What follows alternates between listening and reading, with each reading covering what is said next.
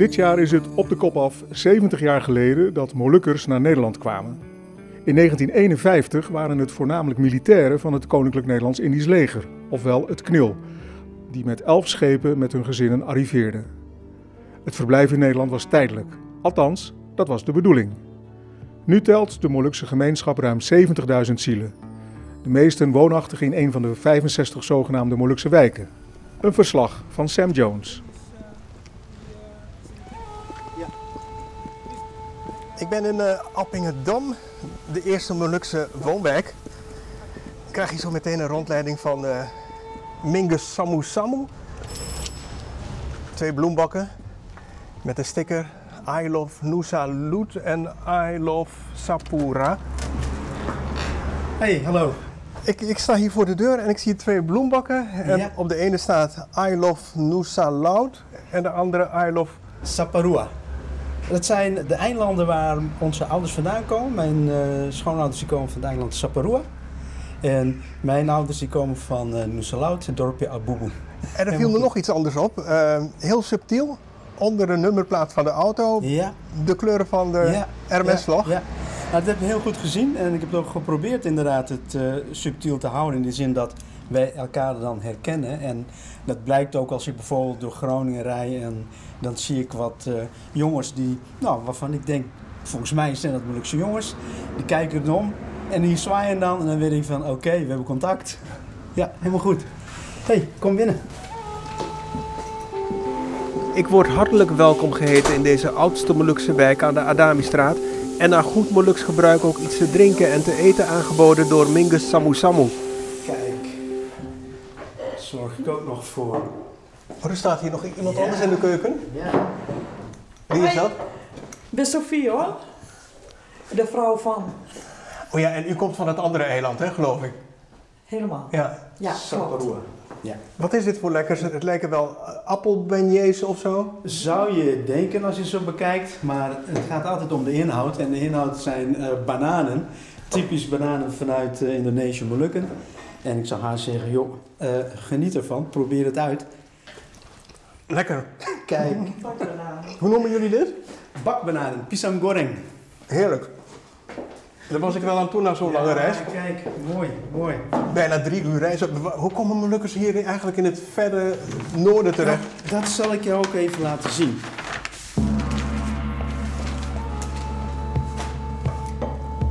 Samu Samu haalt een groot oud album met zwart-wit foto's tevoorschijn. En vertelt hoe 70 jaar geleden Molukkers naar Nederland kwamen. Proclamatie. Het ging vooral om militairen die hadden gediend in het KNIL, het Koninklijk Nederlands-Indisch leger en hun gezinnen. En daarna in de steek waren gelaten door Nederland toen Indonesië onafhankelijk werd. Kemerdekaan Indonesia. Na de Cotta Inten, die ongeveer 1000 Ambonezen naar Nederland bracht, arriveert de Atlantis in Rotterdam met een tweede contingent van 925 Ambonese passagiers, voornamelijk ex-knilmilitairen met hun vrouwen en kinderen. Een aantal gezinnen kwam na aankomst met het schip vanuit de Molukken eerst in houten barakken in het hoge noorden terecht, in de Karel Koenraadpolder, in wat later het Ambonese bosje genoemd werd. Het grootste gedeelte Molukkers in Appingedam, hier in de Adamistraat, die kwamen daar vandaan. Dus vanuit aankomst Rotterdam, Check Amersfoort, noem maar op. En toch wel een aantal omzwervingen. En goed, het kamp bestaat dus niet meer. De ruimte waar vroeger de barakken stonden, dat heet nu, hebben ze, hebben ze een naam gegeven, Ambonezenbosje. Samu Samu is ruim 60 jaar geleden geboren in de houten barakken van het Ambonese bosje. Was dus een baby toen hij er woonde. Toch grijpt de geschiedenis van hoe Molukkers hieronder werden gebracht hem nog steeds aan.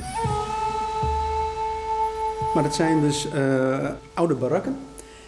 Ooit eh, zeg maar gebouwd om eh, de NSB'ers daar eh, onder te brengen na de oorlog. Maar ook tijdens de oorlog zaten de Duitsers en eh, andere gevangenen enzovoort. Bij aankomst hadden ze natuurlijk zoiets van, ja, goh, waar moeten we ze plaatsen? En bovendien was het verhaal, het trieste verhaal inmiddels van, goh, ze blijven maar een half jaar, dus het zal tijdelijk zijn. Huppakee, daar hebben we leegstaande barakken. Laten we ze daar even tijdelijk een onderkomen aanbieden. Echt bijna weggestopt, eigenlijk letterlijk weggestopt.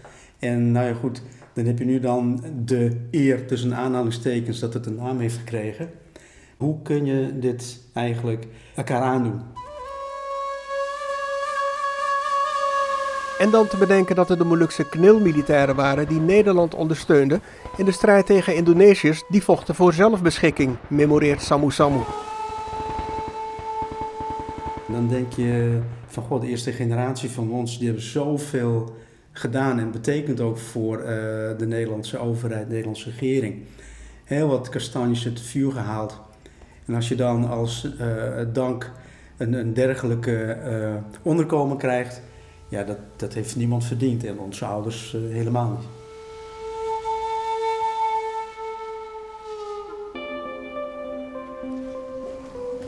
Ik zie hier een foto van dat je volgens mij al niet meer bij het Ambonese bosje was, maar... Nou, nog wel in het bosje dus, dat zie je. Ik zie een jonge man, lang haar, gitaar. Ja, ik zou eventjes uh, een aantal dingen erbij halen. Wie is deze jongen? Hoeveel ja, jaren is hij? Dat, dat was, uh, die jongen die ken ik heel goed, dat is uh, Mingo Samu Samu. Jijzelf? Hij was toen uh, 17, 18. Wat zong je? Nou, toch wel een Molukse liedje hè, van Belayar enzovoort. Dat kan bijna niet anders. Laat eens horen, hoe, hoe klinkt dat? Nou, ik denk dat uh, een maandje ah, van mij, Simon Matruti, dat beter kan doen. Maar het is bijvoorbeeld Belayar Jou. Nou, dat is dan het begin. Mooi, mooi. Ja, toch? Jou dari Ambon. Nou ja, het gaat over uh, weggaan van Ambon weg, hè oceaan oversteken, uh, over hoge bergen, zeg maar, figuurlijk zin. Dat je dus je, je, je oorsprong verlaat en uh, niet wetende waar naartoe. Tegelijkertijd ook spijt en toch heimwee naar ja, het land van herkomst, de bron.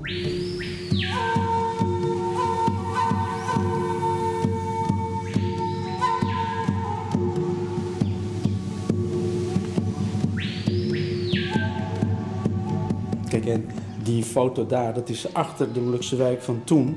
Laat ik je nu even een foto zien. Die zag er anders uit dan dat hij er nu uitziet? Als we straks even door de Adamistraat lopen, dan kun je hele duidelijke verschillen zien. Beschrijf, hoe zag het eruit? Dit zijn dus uh, woonblokken, even kijken hoor, ongeveer 1, 2, 3, 6 woonblokken zo. En uh, verschillende typen woningen. Woningen bestemd voor grote gezinnen en woningen bestemd voor wat kleinere gezinnen. Met andere woorden, uh, de Molukse wijk van toen, 1959 gebouwd, althans klaargekomen in de eerste bewoners. En dat is nu uh, nog steeds de Molukse wijk, nog steeds de naam Adamistraat. Alleen de behuizing ziet er natuurlijk wat anders uit. Zullen wij uh, de wijk in gaan?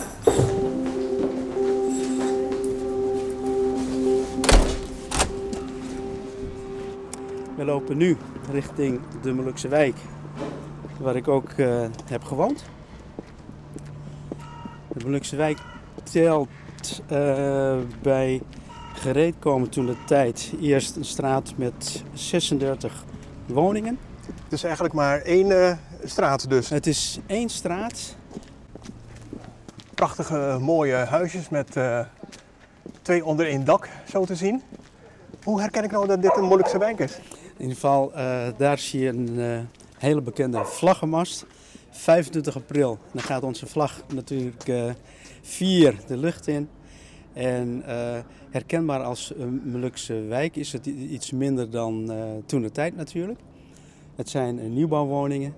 Dus de doorsnee reiziger die door Adamistraat fietst, rijdt, noem maar op, die zal het niet direct herkennen. Behalve de mast in het midden waar de Molukse vlag toch wel, uh, niet alleen op 25 april, maar ook als wij afscheid moeten nemen van iemand, dan, dan gaat die. Ja, Hoe belangrijk is dat RMS-ideaal nog voor jouzelf?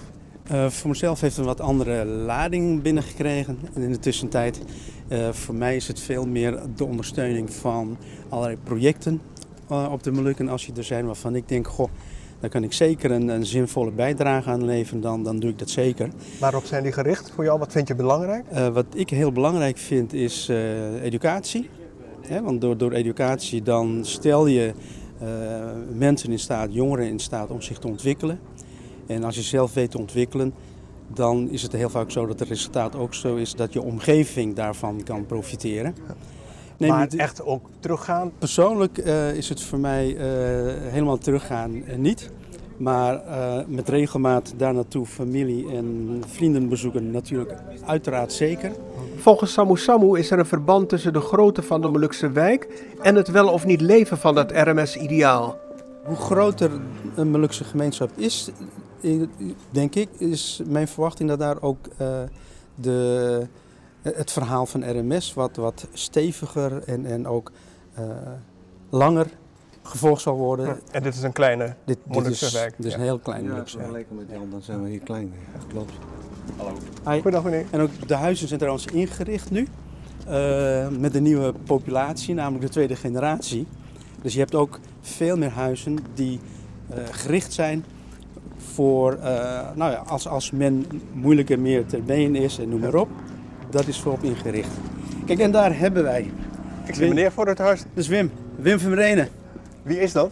Nou, ik denk dat hij zichzelf beter aan jou kan voorstellen dan ik het kan eh, doorgeven naar jou toe. Ik hoor dat hier iemand is die uh, Grunnings, uh, Molukken die Grunnings praat, of Moluks Grunnings, hoe moet ik dat zien?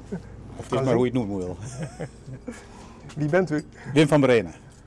En wie is Wim van Brenen? Wim van Brenen is een inwoner deze straat. Ge- Getogen, niet geboren. Ja, Waar bent u geboren? Mantingen. Dus Ja. eh, zeg maar eh, onder eh, Schattenberg. Hoe zit het nou met dat Grunnings? Ach, kies goud me jongen. Wat was er Wat was? Ik versta er helemaal niets van. Nou. Wat zei u nou? Goed, wat wil je horen? Ik wil helemaal laat ik ze niet leren, dat laat ik ze ook niet leren. En dan vertelt hij een ogenschijnlijk luchtig verhaal wat de kern van de Molukkers raakt. Erkenning. Ik hoor ook dat u eh, actief bent geweest in de voetballerij. Ja, ja, ja, ja. Ik had mijn Hollandse vrienden en die gingen allemaal naar de openbare school. Dus ik de stoute schoenen aangetrokken. En, eh, De voetbalschoenen. nee, nog niet de gewone schoenen. Nee, ik, zei, ik zei tegen mijn ouders van, mam, ik ga niet naar de Groen van Prinsteren niet. Waar mijn oudste broer ook heeft eh, gezeten. Nee, wat dan? Ik wil naar de Katelaan. Ja, waarom dan? Ja. Mijn vrienden voetballen er allemaal. Ja, dan zei mijn moeder van, ah, nou, als je dat wil, dan ga je er maar heen. Nou, zo zegt zo gedaan. De enige kleurling natuurlijk. En die jongens die keken maar. Hé, hey, moest bij ons voetballen. De hele familie kan goed voetballen hoor, al die jongens. Maar eerst de boot afhouden. En op een gegeven moment zei, een van die klasgenoten: Wim, moest hij bij in bed komen? Noem me- Noem me nu staan. Die pa die zit op je te wachten. ik met hem mee. Dus zei: Kijk, jongen, dat is voor jou, voetbalschoenen. En dan moet je voetballen. En toen eh, werd ik geselecteerd voor de Noordelijk Elftal, KVB.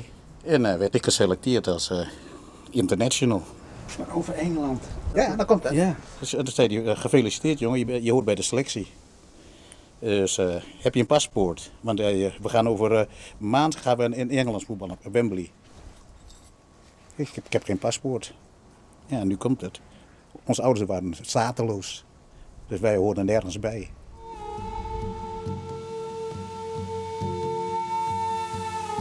Nadat Indonesië in 1945 de onafhankelijkheid had uitgeroepen, de Nederlandse erkenning bleef uit, kregen Molukkers in 1949 de Indonesische nationaliteit.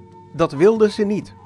Molukkers wilden na de proclamatie van de republiek op 25 april 1950 de nationaliteit van hun eigen republiek, de RMS.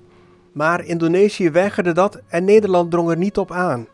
Gevolg, Molukkers die naar Nederland kwamen werden uiteindelijk staatloos. Opteren voor het Nederlanderschap was niet mogelijk. Voor de meesten was dat ook lange tijd verraad aan de RMS. Dus bleven ze staatloos, zoals Wim in die tijd. Je was stateloos. En, eh, en nu, als je terugdenkt, iedereen die nu geboren is hier, die kreeg automatisch een Nederlands paspoort. En toen de tijd niets voor ons. Om die staatloosheid te compenseren werd in 1976 een speciale wet in het leven geroepen, waarmee Molukkers alle rechten kregen behalve het kiesrecht. Pas later verwierf een groot aantal Molukkers de Nederlandse nationaliteit. Ik werd nooit meer geselecteerd, want ik kon toch niet in het Nederlands elftal. Dus terwijl ik overal doorheen liep, werd nooit weer geselecteerd. Wim was voor ons hier in, in Appingedam natuurlijk een, een, een voorbeeld waarvan wij denken het hartstikke mooi en dat hij ook zo ver heeft geschopt. Jullie zijn allebei van de tweede generatie. We staan nu het- voor het huis van eh, Mijn moeder, ja. een van de oudste. Ja. Hoe is het met haar? Nou ja, ze is er nog en uh, zwart is, ze slaapt nu ook, dus eh ik kan, kan weinig hebben. Wat, wat voor verhalen hoor je van haar? Van ja, vroeger heel moeilijk en dat we toch, aan ons, uh, toen ze hier kwamen, werden ze toch aan een lot overgelaten. Van, uh, op een gegeven moment, ja, je moest je maar zelf redden en uh, je werd gedund. De enige, enige wat ze kregen was CSZ, dat is de commissie Ambonese Zorg. Een eind op weg en dan voor de rest. werd jij een lot overgelaten? Ja, ja. Zijn er nog veel mensen van de eerste generatie? Hier twee. Hallo. Kijk, we gaan eerst naar het Tante Passa. We gaan hier uh, bij deze woning even kijken. Ik zie twee stoelen voor. Bellen even aan. Wie woont hier? Tante Rupassa. Dus een van de twee uh, tantes nog die wij hebben van de eerste generatie. In de 90 hè, begreep ik? Uh, ja, 92 is ze. Nee, goed, qua gezondheid uh, laat het soms niet toe om mensen te woord te staan. Dus ze is er niet? Ze is er niet. Molukse wijk is cultureel erfgoed, maar daar hebben we het natuurlijk over gebouwen, maar natuurlijk ook over mensen die jullie iets hebben meegegeven. Natuurlijk de, de saamhorigheid en als je terugkijkt, wij dan hè, van de tweede generatie naar hoe wij hier zijn opgegroeid. We hebben de, de straat bij wijze van spreken vanaf nul meegemaakt tot, tot nu. Hè. Wat is ja, dat typisch nou, Molukse? Typisch Molukse is dat je dan inderdaad voor elkaar staat en anders dan uh, Nederlandse situaties of wat dan ook, een gezin uh, klein en daar wordt het dan gedaan. Maar hier is het uh, de hele straat, die, die voelt dat ook aan. Voor elkaar klaarstaan. Ja, ja, ja, ja. voor elkaar klaarstaan. Op. We hadden vroeger mocht je ook niks zeggen, want wij zijn de ouderen, wij weten het. Heeft ons ook wel gevormd, denk ik hoor. Want die, die verhalen van hun, dat heeft tenminste, ik denk dat het bij Wim ook zo is, maar bij mij absoluut ook dat ik zoiets heb van nou, moest luisteren wat jullie onze ouders gedaan hebben. Uh, leuke verhalen. Uh, ik, ik, accepteer, of ik, ik geloof niet zomaar weer in verhalen van overheid of wat dan ook. Het, heeft ons, denk ik, behoorlijk kritisch gemaakt. Kritische houding ten aanzien van uh, toch de maatschappij, uh, Nederlandse maatschappij om ons heen. Dus ook in, in contact met woningbouwvereniging en dat soort zaken. En dan, dan zijn wij altijd wel heel scherp in, in het gesprek en in de discussie. Wat, wat betekent dat RMS ideaal voor jouzelf? Ik zie hier een vlaggenmast net op het hoekje van het huis van je moeder. Als ik eerlijk ben, nee. Het bestaat er, maar. Nee. Het speelt geen rol meer. Bij mij niet. Nee. Het is bij mij, ja, natuurlijk, ja, afkomst, weet je, maar voor, voor de rest, nou ja, maar ik ben hier. Ik, nee, ik neem het zoals het zo is. Kijk, op een gegeven moment, je kan me altijd terugkijken, maar ja, dan kom je ook niet verder.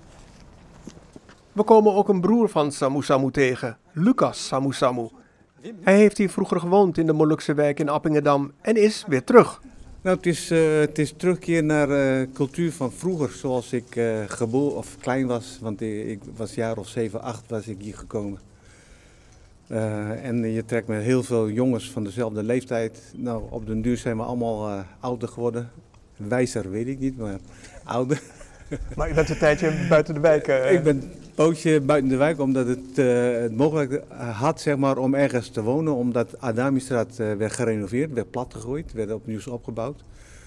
En ik dacht van ik doe een stap buiten de wijk en wonen zeg maar, in een, in een, een Hollands gebied. Maar dat viel me toch tegen. Toch weer terug naar de roots. Ja. ja. Toen kwam hier wat, wat huizen vrij. En had ik gevraagd of ik terug kan komen zeg maar, in, de wijk. En de wijkraad had gezorgd dat ik terug kan komen. Zodoende ben ik hier weer terug. Dat eigen ik, hè, dat, dat, dat onze, dat is er weer. Dat eenheid is er weer. Alleen wat ik, wat ik nu zie, zeg maar, de derde, vierde generatie jeugd, dat is, de mentaliteit is anders. Het is niet meer dat saamhorigheid is een beetje weg. Een beetje minder. Kijk, ik woon hier zeg maar, met nog drie, vier van mijn generatie in de straat dat, dat klikken, dat is er nog wel. Maar voor de rest, zeg maar, dat, uh, dat wil niet zo. Ja. Waarom dan toch terug naar deze wijk? Ja, toch het gevoel. Ik denk dat hoe je het ook, hoe je het ook wint of keert, de, de derde generatie en we zijn inmiddels binnen de familie de vierde, maar de derde generatie kent natuurlijk een hele andere groei. Uh, wij van grote gezinnen, iedereen op straat, dus die eenheid die was bij de geboorte al gekomen. En de derde generatie, ja, dat zijn kleinere gezinnen. Ze gingen ook wat minder samen uh, op pad. Hoi, mag ik wat vragen? Ik zie een meisje voorbij lopen. Ja, dat, dat is volgens mij de vierde generatie zelfs. Wie ben jij? Amelia, ja. En je achternaam? Ja, Bormiasse. Dat klinkt een beetje als Molux. Ja. Hoe is het wonen hier in de Molukse wijk? Eh, wel leuk, want we wonen allemaal kinderen en daar gaan we dan ook mee spelen. Wat doen jullie dan? Soms doen we een Molux muurtje. Molux moedertje? M- muurtje. Nou, dan is één de tikken en dan moet je aan de overkant rennen. Hartstikke leuk. Dat is voor mij voor een eh, tweede generatie ook mooi. Zou je hier ook willen blijven wonen, denk je? Ja, ik vind het gewoon hier, hier heel erg leuk met kinderen te spelen. En mijn vader en moeder die gaan ook soms tegen bij Maleis praten en dan ga ik dan proberen. En Molukse eten, is dat ook lekker? Ja, rijst met vis. Kijk. Zeker. Ja, zeker. Het valt eigenlijk best wel mee met, met gebrek aan culturele achtergrond als ik dit meisje zo hoor. Nou, ik weet niet wat er in dat kopje speelt, dat weet ik niet. Want ik heb zelf twee jongens en eh, die zijn ook al eh, oud en de deur uit. En die praten ook al, eh, ja, Maleis, maar in de vriendenkring. Maar bij ons dan schamen ze zich ervoor, want ze zijn bang dat ze een bepaalde accent eh, verkeerd doet, op een beetje Hollandse manier. Dat ze het niet goed doen. eh. Precies. Maar ze kennen die woorden wel en als zij in een groepje zit met alleen maar eh Molukse jongens, of eh, nou ja, half dan, Dan gaan ze los. dan gaan ze wel los. Deze aflevering van de podcast Molukse Wijken, Eiland in Polderland is gemaakt door Sam Jones. Een project van stichting Sonodox. Aan deze serie werken mee Victor Jozef, idee en productie, Guido Spring en Sam Jones, verslaggevers, Magda Augustijn, distributie en mijn naam is Rocky Tuhutero. Kijk voor meer informatie op moluksewijken.nl.